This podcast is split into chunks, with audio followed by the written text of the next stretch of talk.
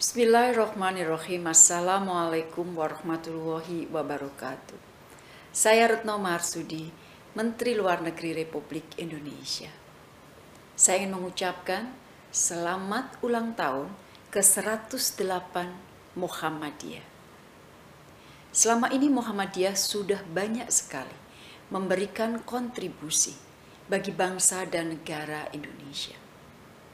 Ke depan, saya sangat yakin bahwa Muhammadiyah akan dapat terus memberikan kontribusi yang lebih banyak kepada Indonesia, termasuk di antaranya di bidang pendidikan, di bidang kesehatan, penyebaran toleransi, dan lain sebagainya.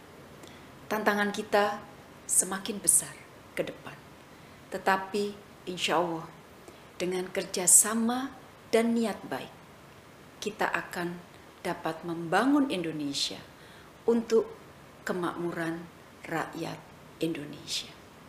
Demikian yang dapat saya sampaikan. Sekali lagi, selamat ulang tahun Muhammadiyah. Wassalamualaikum warahmatullahi wabarakatuh. Radio Muhammadiyah dari Muhammadiyah untuk semua.